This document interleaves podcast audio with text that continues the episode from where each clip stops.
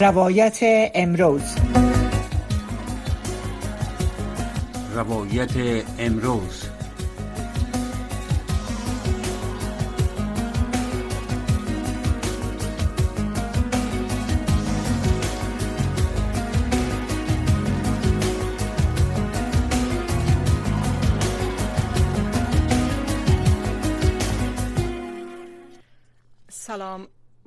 آرزو می‌کنم وقت خوشی را آغاز کرده باشین. فوزی احسان هستم و در نیم ساعت برنامه روایت امروز با مهمان برنامه ساعت با شما خواهم بود.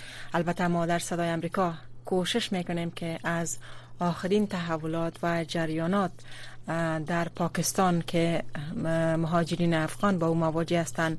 همه روزه در برنامه های خود از طریق برنامه های زنده و یا مصاحبه ها شما شنونده ها و بیننده های گرامی را در جریان بگذاریم. امروز هم برنامه روایت امروز به می موضوع اختصاص دادیم و مهمانی از پاکستان داریم.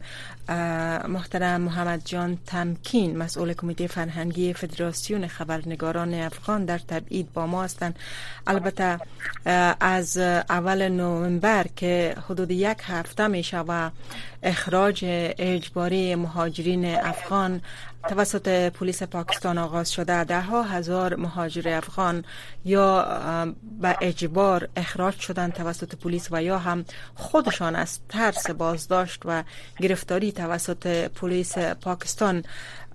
به افغانستان برگشتن. البته ادارات کمک رسانی گفتن که افغان هایی که از پاکستان فرار کردن و وارد افغانستان شدن هیچ امکاناتی ندارن. بدون آب غذا خدمات صحی و غذا در فضای آزاد زندگی می‌کنن و حتی شب سپری می‌کنن. در این برنامه آقای تمکین با ما هستند و در رابطه با آخرین معلومات و تحولاتی که رخ داده بر معلومات خواهند داد و ما و شما شنونده های گرامی تمکین صاحب همکارم میگن که شما در خط هستین خوش آمدین و تشکر از حضورتان. شما با سلامت باشین. خدمت شما و تمام همکارانی با ما هستن. خدمتشان درود میفرستم و یک سلام گرمم خدمت تمام شنونده ها بسیار زیاد ممنونتان. تشکر از حضورتان در برنامه. تمکین صاحب آخرین معلومات شما چیست؟ وضعیت از با گذشت یک هفته از ضرب الجل پاکستان به خاطر اخراج اجباری مهاجرین افغان البته آنهایی که اسناد قانونی مهاجرت در پاکستان با خود ندارند چگونه است؟ وضعیت به مو شکل که از طریق رسانه مختلف انعکاس داده میشه شدیدتر از این چیزی که در رسانه های انعکاس داده میشه تنها از روز جمعه به این طرف حدود 60 هزار نفر از تنها از مرز ترخم به طرف افغانستان اینا رجعت داده شدن دیپورت شدن که هیچ نوع امکانات نداره. به طریق پولی مردم از پیشان گرفته میشه و فقط با حدود 50 هزار کلدار اینا از مرز او طرف دیپورت میشن که بدترین نوع اخراج است که تا در طول تاریخ صورت گرفته. چون در پاکستان اینجا امکانات همه امکانات معیشتی از افغان ها گرفته شد دیگر کسی که دکان داشت دکانش تخریب شد خانه داشت خانهش تخریب داشت. امکانات مالی که اینا در بانک ها داشتن پیششان گرفته شد. و فقط اینا با اونمو داشته بسیار محدودی که زیر آوارها و خاکهای گپان می‌کشن اینا به طرف ادارای پلیس برده میشن و ازش مستقیم به طرف مرز. قراره که به حساب من خودم رفته بودم به طرف بشار از منطقه جمرود رو این ختم کارنامو تا دروازه ترخم. به اینجا موترها به شکل یک قطاره و دو قطاره استفاده موترهای باربری که حامل کوچ خانواده های دیپورت شده هستند اینا که با چی امکانات؟ با چی شکل به اون طرف مرز اینا فرستاده میشن؟ او را نمی‌دانم اون طرف ولی وضعیت بسیار جد قدبار است. زنان طفلا پیل مردان پیل زنان جوانا دیده میشه که بر قطار موترها سوار هستند. روی بار با یک عالم پریشانی گپا او طرف افغانستان میدن. دیگه دیده شود که این وضعیت تا به چی وقت ادامه پیدا می‌کنه؟ چون قرار است که فردا پروسه عملیات جستجو بازداشت افغانها در محدودی پشاور آغاز شد عملیات جستجو گفتین. عملیات جستجو چگونه آغاز میشه؟ غیر از یک گرفتار میشن افغان ها از راه از سر کار از دخانه هایشان هم حالا هم تلاشی و جستجو میشه؟ در مجموع نمی عملیات به نام عملیات جستجوی پناهنده های غیر بدون اسناد مسما شده از طرف نیروهای انتظامی پلیس که در این عملیات خانه ها جستجو میشه تلاشی میشه و افراد بسیار به شکل مظلومانش بازداشت میشه حتی در بعضی موارد دیده شده که شدت عمل پلیس به پیمانی بوده که توأم با احانت و ضرورت توأم بوده. دیگه این مسائل جریان داره عموما عملیات به گونه صورت می‌گیره که روز و شب نداره.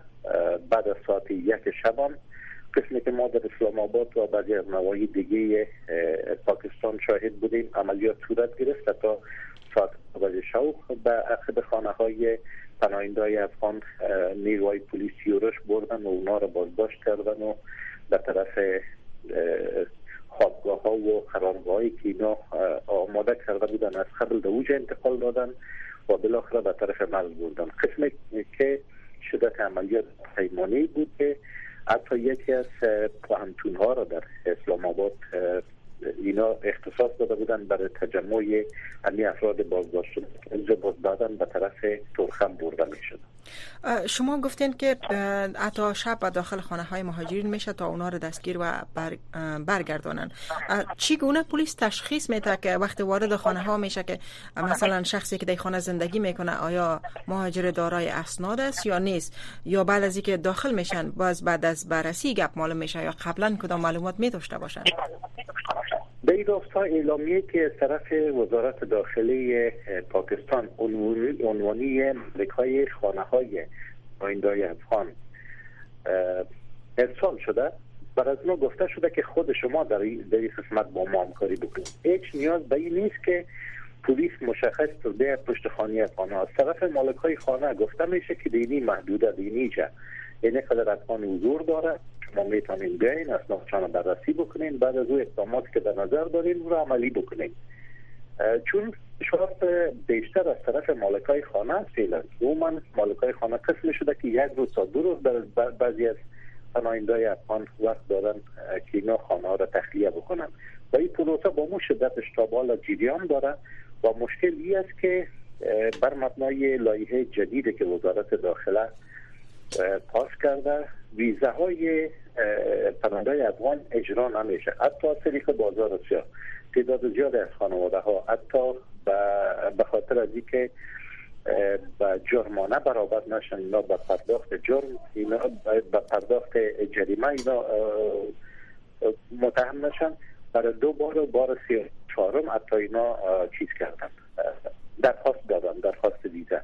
ولی نظام پروسه مبهم هستی که به حساب بعد از این اجرا میشه یا نمیشه معلوم نیست. خلاصه ای که محدودیت ها با مو شدت سابقش باقی است. دیگه دیده شود که به این راستا آیا تاخیرات در قانون قدید می و نهادهای جامعه مدنی در پاکستان و نهادهای آمی پناهنده ها در بیرون از مرزهای پاکستان می‌تونه سر حکومت بقبولاند تا شدت عمل خود اینا بکاهند یا این پروسه بر یک مدت طویل همینطور ادامه پیدا این لایحه جدیدی که گفتین شما این لایحه جدید بر عزیز که برای مهاجرین وقتی که مراجعه می‌کنن دیگه ویزا داده نشد چرا؟ ویزا توقف کرده. چرا توقف کرده؟ توضیح ویزی مریضی. متوقف است. ویزه سیاحتی و ویزه فامیلی ویزیت هم اجرا نمیشه. من خودم تقریبا دو بار سه بار بار سوم است که برای خانواده خود ما درخواست می‌تونم ولی ویزا اجرا نمیشه. این که چرا اجرا نمیشه؟ فقط مو دفاتر که ما از دو طریق درخواست ویزا می‌کنیم اونا میگن که لایه جدید پاس کردن و اینا ملحوظات دارن و حداقل شما تا زمانی که اینمی شدت عمل پلیس ازش کمی کاسته میشه شما درخواست بدین که براتان مشکل خلق شد. چون هر کسی که اگر در فاصله هفت روز بار دیگه پس از رد شدن ویزش درخواست ویزا نده اینا هر کدام باید هر نفر باید 405 دلار جریمه بپردازن که برای یک خانواده پناهنده افغان که در حالت بد بی‌سرنوشتی به سر می‌بره و هر خانواده تقریبا 4 5 عضو داره بسیار جد مشکل خواهد شد. نسبت اینی معاصل مردم میجه دوباره برای درخواست ویزا اقدام می‌کنن ولی فقط همه چیز در حاله ابهام قرار می‌گیره میمونه و معلوم نیست که ویزا بعد اجرا خواهد شد یا نخواهد شد چون پروسه درخواست ویزا قسمی از زمانی که شما برای ویزی جدید درخواست میتین یا برای تمدید شما باید 32 روز انتظار بکشین بعد از 32 روز باز فهمیده میشه که برای شما ویزا میتن یا نمیتن. یعنی هر بار درخواست که می‌کنین باید شما 32 روز معطل کنین تا زمانی که تو ویزا process میشه و از طرف وزارت قبول میشه یا رد؟ او 32 روز پس باز معلوم میشه. و شما از مراکزی که اونجا مهاجرین جمع آوری و نگهداری میشن تا وقتی که به افغانستان رد مرز شوند یا اخراج شوند معلومات دارین چگونه است وضعیت امی مراکزی که مهاجرین اخراجی فعلا زندگی می‌کنن یا دو گردآوری میشن؟ خب طبیعی است در پاکستان امکانات به پیمانی محدود است که در اوج امکانات معیشتی یا پای مسائل نیست فقط به اوج به شکل موقتی پناهنده افغان انتقال داده میشن. بعدا بسیار با سرعت و گپا برشان آماده میشه. و اینا اجبارا برده میشن به طرف مرز. دیگه طور امکانات مسائل معیشتی گپا در اوج وجود نداره. هر خانواده که در اوج برده میشه خودشان ناگزیر هستن که به حساب توشیره. به خاطر مسائل معیشتی گپا تهیه بکنن و خودشان به اوجه همه مصارف گپا را به دوش داشته باشن. یعنی اونا چقدر وقت میمانند در می مراکز؟ حداقل یک شب و یک روز میمانند. گاه برای دو روز تا سه روز هم میمانند. بعد از اون به مرزینا برده میشه خب هدف بودن در اوجه بیشتر چی است در مراکز جمع آوری عموما اینا ثبت راجستر میشن. از اینکه تعداد زیاد است چون هر کسی به حساب دقیق بسیار راجستر میشه و یعنی پروسه کمی طول می‌کشه. دیگه اسناد بسیار به شکل دقیق بررسی میشه. عموما افرادی که جرایم نگهپا دارن اونا باز توسط پلیس بازداشت میشن به طرف زندان برده میشن و افرادی که اصلا هیچ فاقد اسناد هستن نگهپا باز اینا سوار موترها ساخته میشن و برده میشن به طرف من و آیا سازمان های بین المللی دخیل است در روند اخراج؟ نظارت صورت می‌گیره در مراکز اخراج در خود سرحد کدام امداد رسانه یا مراکز ملل متحد که نظارت می‌کنه وضعیت مهاجرین یا حمایت از مهاجرین نهادهایش و سازمانهایش حضور دارن؟ اینا حضور دارن ولی تعداد مهاجرین با پیمانی است که ایرانی کارمندای بخش, بخش اعظم از سازمان های امداد برای مهاجرین نگهبان محدود می سازن یعنی اونا هم دست باچه هستن. چون اونا هم در یک حالت غافلگیرانه قرار گرفتن که از قبل برای پروسه به حساب اونا آمادگی نداشتن. خوب اونا تصورشان همین بود که هر بار حکومت پاکستان اینطور یک اعلامیه ده پخش کرده. بعدم در رابطه با تطبیق از او باز اقدام نکرده. ولی این بار نسبت به دفعات قبلی متفاوت بود. زمانی که اعلام شد مثلا حکومت با شدت عمل داخل اقدام شد و بالاخره پروسه را عملی ساخت و اینمی مثلا نهادها سازمان های امدادرسان دچار مشکل ساخت. و اونا نتانستن به موقع بتانن یک تعداد از کارمندایی را در اوج توجیه بکنن که برای اینمی کتگوری افراد که از مرز دوباره برگشتانده میشن به طرف افغانستان برای اینا عرضی خدمت بکنن شما گفتین بر هر افغان اجازه 60 هزار کلدار داده میشه که انتقال بتن همراه خود. این پول از خودشان از خودشان است انتقال میتن یا کمکی میشه از طرف نهادهای مدد رسان یا سازمان ملل؟ 60 هزار نه فقط 50 هزار. این پولی که مربوط به خود ماجدین است. دیگه ماجدین اجازه ندارن بیشتر از اون پول پاکستانی رو بدن فقط در حدود مو 50 هزار روپیه مجاز است که اونا او طرف با خود انتقال بدن خب. اصلا ماجدین ویدیوهایشان پخش شد که گریه می‌کردن که پول ما از پیش ما توسط حکومت پاکستان توسط پلیس پاکستان گرفته شد و ما بدون هیچ نوع داشتی مالی به این طرف مرز دیپورت کردن. یعنی اگر یک مهاجره که اخراج میشه پیش از او بیشتر از 50 هزار کلدار باشه او را پلیس پاکستان می‌گیره از پیشان؟ دقیقا امور هم است دقیقا. و اگر اینا چنین رویه می‌کنن پس ماجرین معلوم است که تعداد زیادشان اونجا کار می‌کردن. خب و پول به دست می آوردن اکثرشان در کارهای مختلف مشغول بودن مشاغل مختلف داشتن. خب اینها همو پول های را که البته بر هر هدف جمعوری کرده بودن یا طبعا برای مصارف خود نگهداری می‌کردن چی می‌کنن؟ اینا باید خب یک مقدار پول داشته باشن. معلوم است که یک تعداد خانواده ها کمک دارن از خارج که برشان ماهوار می‌رسه. اینا چطور میشه؟ چطور با این وضعیت چی میشه؟ چگونه برخورد میشه؟ در شروع صحبت خودم اشاره کردم که تعداد زیادی از افغان اینجا مارکت داشتن دکاکین داشتن اینجا بالاخره از هر رای ممکنه اینا کار می‌کردن به خاطر دست آوردن لقمنانه اما امکانات کاری و معیشتی از اینایی که در پاکستان باقی ماند. اینا با دست خالی و طرف مرز برده شده و این پروسه هم جریان داره. با آنکه به حساب تعداد از پناهنده افغان که توسط پلیس برده شدن در رابطه به این مسئله صحبت داشتن با رسانه ها اما تا بالا هیچ کشور به هیچ سازمان کامی پناهنده ها اقدام در رابطه به این مسئله نکرده. اگر کاری هم صورت گرفته در حد پخش یک اعلامیه لیگ پا بوده که تا بالا سودمن واقع نشده.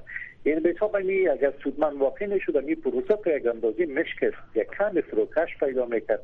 ولی با مو شدت شنوزام جریان داره و بسیار زیاد وحشتناک است. زمانی که آدم می‌بینه چون سرمای زمستان پیش رو است و یک افغان پناهنده زمانی که بدون هیچ داشته مالی او طرف مرز برده میشه واقعا فاجعه باز و فکر کنین مثلا یک یک افغان است یک مهاجر است که در اوجا دست فروشی می‌کنه یک یک وسایلی داره که بر خاطر دست فروشیش و یا دکان داره در اوجا یا خیاطی داره. سرنوشت امی مثلا دکانشان خیاطیشان یا دست فروشیشان چی میشه؟ اما قسم بی سرنوشت اعلام میشه یا پلیس ضبط می‌کنه؟ چی کنه میشه؟ همینطور بی سرنوشت میمونه. ما حتی در بعضی مناطق دیریم که گلانی فروش کراچیش بر روی میدان مانده ولی خودش برده شده. و دیگه او باز نگشته پس دوباره که بیایه به اوجا به حساب کراچی شده بالاخره یک پاکستانی آمده شناخت داشتم باشم اون کراچیش گرفته برده به یک طرفه. یک تعداد از پاکستانی اینجا وضعیت می‌بینن اینا فوق نگران هستن. خاصتا مردم عادی پاکستان. اینا سخت در برابر این اقدام حکومت انتقاد می‌کنن.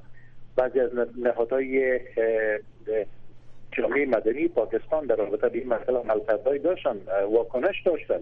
ولی تا بالا اینمی مسئله تو جای ده نگرفته. نتانسته که اینمی سنت بشکنانه و بالاخره مانع جلوگیری یعنی عمل کرده حکومت پاکستان شد پس یک بسیار یک ضربه کلان به او در افغان های مهاجر هم است که در پاکستان کار کاسبی داشتن تجارت ها داشتن بر از اینا یک وضعیت بسیار وخیم است و اینا سرمایه هایشان در خطر است. کسانی که خصوصا سرمایه گذاری بیشتر کردن در پاکستان. فوق العاده فوق العاده ما بر شما یک مثال می‌تونم. یک خبرنگار بود از دوستای ما چند پیش بچیش در یک هتل کار می‌کرد. یادم توسط پلیس بازداشت شد. در مجموع کارمنده هم هتل بازداشت شدن برده شدن اینا به زندان.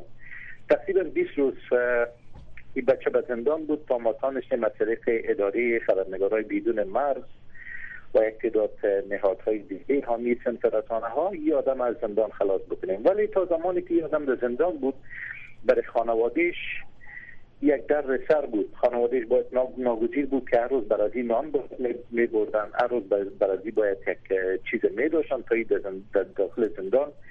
یک چیزی باید می خورد و حداقل تا زمانی که تعیین سرنوشت می شد و از اوج تامین معیشت می شد 20 روز یادم از کار و غریبی گپا مان این چقدر می‌تونه که برای یک خانواده که ناناور خود از دست میته و ناناورش در زندان است و برای اینا بار دوش میشه. چقدر مشکلات می‌تونه خلق بکنه. با در نظر داشت اینمی مسئله. درد تمام مردم آدم می‌تونه حس بکنه که زمانی که یک نفر بالاخره اما امکانات معیشتی زندگیش از او گرفته میشه و این دیدن داشتن هیچ نوع امکانات او طرف مرز برده میشه و در اونجا معلوم نیست که با چی سرنوشتی رو میشه خانه نداره جای نداره زندگی نداره در اونجا. ای که اقوامشان در کجا است؟ کی می‌تونه یاره کمک بکنه؟ دیگه ای فوق العاده نگران کننده است. زمانی که آدم گیریه و زاری یک تعداد از های دیپورت شده رو اون طرف مرد می‌بینه. همه عمق فاجعه را می‌تونه درد بکنه که درد او کسی که او طرف مرز برده شده و همه امکانات زندگی از او گرفته شده چقدر به حساب جانسوزتر و استخوانسوزتر است و گزارش های هم است که خانه هایی را که افغان ها یعنی آباد کرده بودن در کمپ های مختلف پلیس ویران می‌کنه شما از این گزارش ها چی دارین؟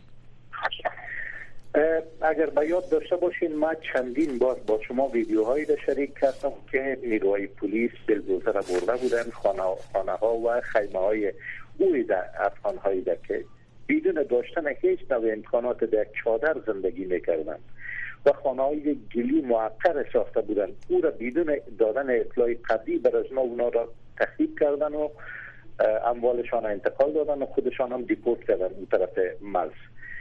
این پروسه هنوز هم جریان داره و بیشترین این کتگوری مردم حال در فشار زندگی می‌کنه در اونجا منطقه به نام کچگرای که در اونجا تعداد زیاد از ها با اینمی وضعیت زندگی می‌کنند در منطقه برد همچنان. و اینی خانواده سخت دچار مشکل هستند فعلا و من من می‌دانم که اینمی درد خود به کی فریاد بکنن. بالاخره کی می‌تونه به درد به حساب جواب بگوید. و یک گزارش های هم وجود داره که گفته میشه تعداد زیادی از این مهاجرین که اخراج میشن جوانان هستند البته شما چی گزارش ها دارین؟ زنان و اطفال هم است یا بیشتر جوانان هستند که اخراج میشن؟ در مجموع افرادی که دیپورت میشن رو طرف شامل زنان، طفلان، جوانان، پیرمردان از هر کتگوری مردم است دیگه یک مشخص نیست که به حساب جوانا گرفتار شوند و اینا بازداشت شوند توسط پلیس رو طرف مرز انتقال داده شوند به شکل خانواده این میشن اون طرف. خاصتا بیشتر پلیس در جستجوی خانواده است که از سالها دور و دراز در و سر می‌برند و تانستان از اقل به حساب از طریق یک دکان یک کراچی ایجا روزگار خود تامین بکنن و تمام زندگیشان وابسته به اونمو کراچی و اونمو دکان معقره بوده که در دو اینا تامین معیشت می‌کردن تشکر من یک جمله از صحبت های آقای استانگزه برتان می‌خوانم. البته شیر محمد عباس استانگزه معین وزارت خارجه حکومت طالبان رفتار حکومت و نیروهای امنیتی پاکستان را با مهاجرین افغان ظالمانه خوانده و هشدار داده که روی کرده طالبان در این زمینه تغییر خواهد کرد. طالبان چی کرده می‌تونن در این وضعیت به نظرتان در رابطه به واکنش طالبان ما صحبت وزیر دفاع طالبان را هم دیدم. او هم تقریبا مشابه امیتر یک صحبت داشت. از او گفت که پاکستان به پیمانه سر افغان ظلم بکنه که بعدا به حساب او را بتانه برداشت بکنه.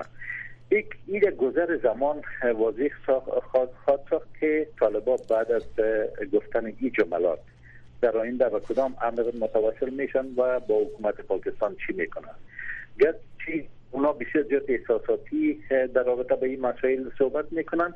فکر می‌کنم که احساساتی شدن رای حل نیست به خاطر رای حلی قضیه بهترین رام و مفاهمه و مذاکره است که از در مذاکره و مسالمت این موضوع رو بکنن. آقای تمکین بعضی تحلیلگران البته در صحبتهایشان با رسانه ها و همچنان صدای امریکا گفتن که امی اخراج مهاجرین خودش توسط پاکستان یک پروژه است و طالبان هم شاید از این موضوعات خبر داشته باشند و پروژه شاید هدف بیشتر به گفته امی تحلیلگرایی است که از میان جوانانی که اخراج میشن و او طرف میرن چون اونا مشکلات اقتصادی دارن با سادگی میشه سربازگیری کنند حملات تخریبی یا هر چی که از شما چنین گزارش ها را مشنوین چنین تبصره های را در اونجا مشنوین چگونه است وضعیت؟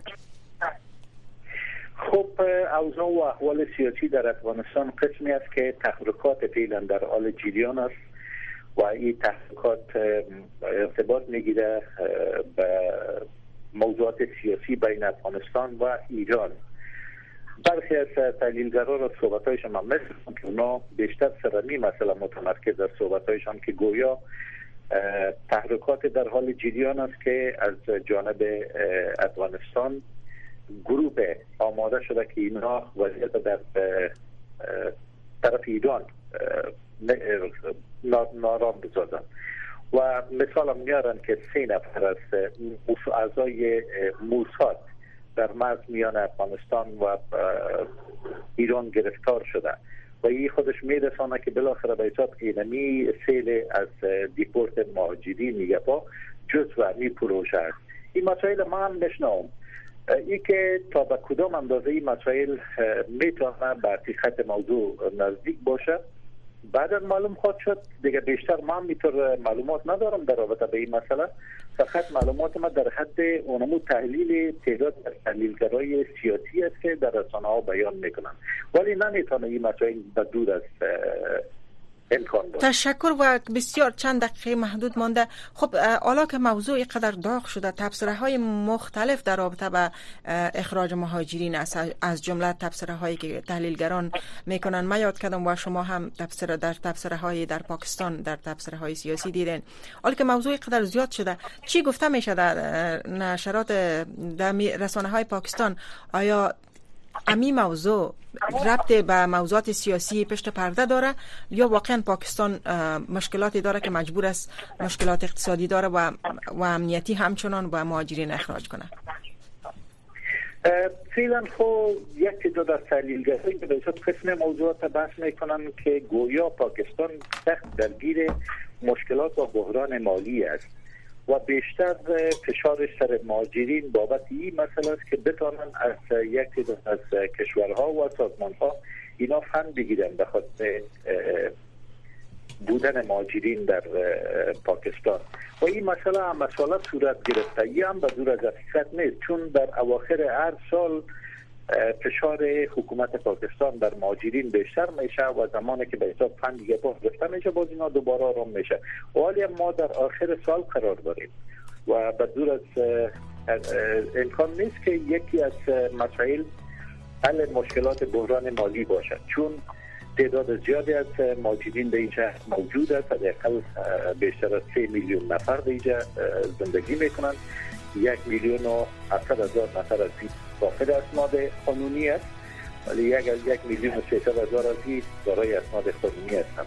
یا می‌تونه که به حساب یک یکی از مشکلات بروز کرده برای حکومت پاکستان باشه که متوسل به یک پروگرام کاری شده. تشکر می‌کنم. دلیل هرچی باشه ده ها هزار فامیل و جوانان اطفال و زنان بسیار قربانی تصامیم هستند آرزو دارم رای حل به این مشکلات پیدا شود و حکومت پاکستان روی کردش تغییر بده و فشارها بالای حکومت پاکستان تاثیر کنه و مردم در آستان زمستان و سردی بیشتر از این اخراج نشن و تحت فشار نباشن. تمکین سر بسیار زیاد از شما هم تشکر که حضور یافتین از وقتتان که معلومات آخرین و تازه را با ما و شنونده ها و بیننده های برنامه روایت امروز شریک ساختین. از بیننده ها و شنونده ها هم سپاسگزار هستیم که با ما بودن. برنامه روایت امروز البته همینجا به پایان می‌رسه اما برنامه های رادیو آشنا صدای امریکا همچنان ادامه داره برنامه بعدی البته برنامه صدای شماست که باز هم منتظر هستیم زنگ بزنین به برنامه. ما و زیبا جان خادم میزبانتان خواهیم بود. یک ساعت در برنامه صدای شما. وقت خوش داشته باشید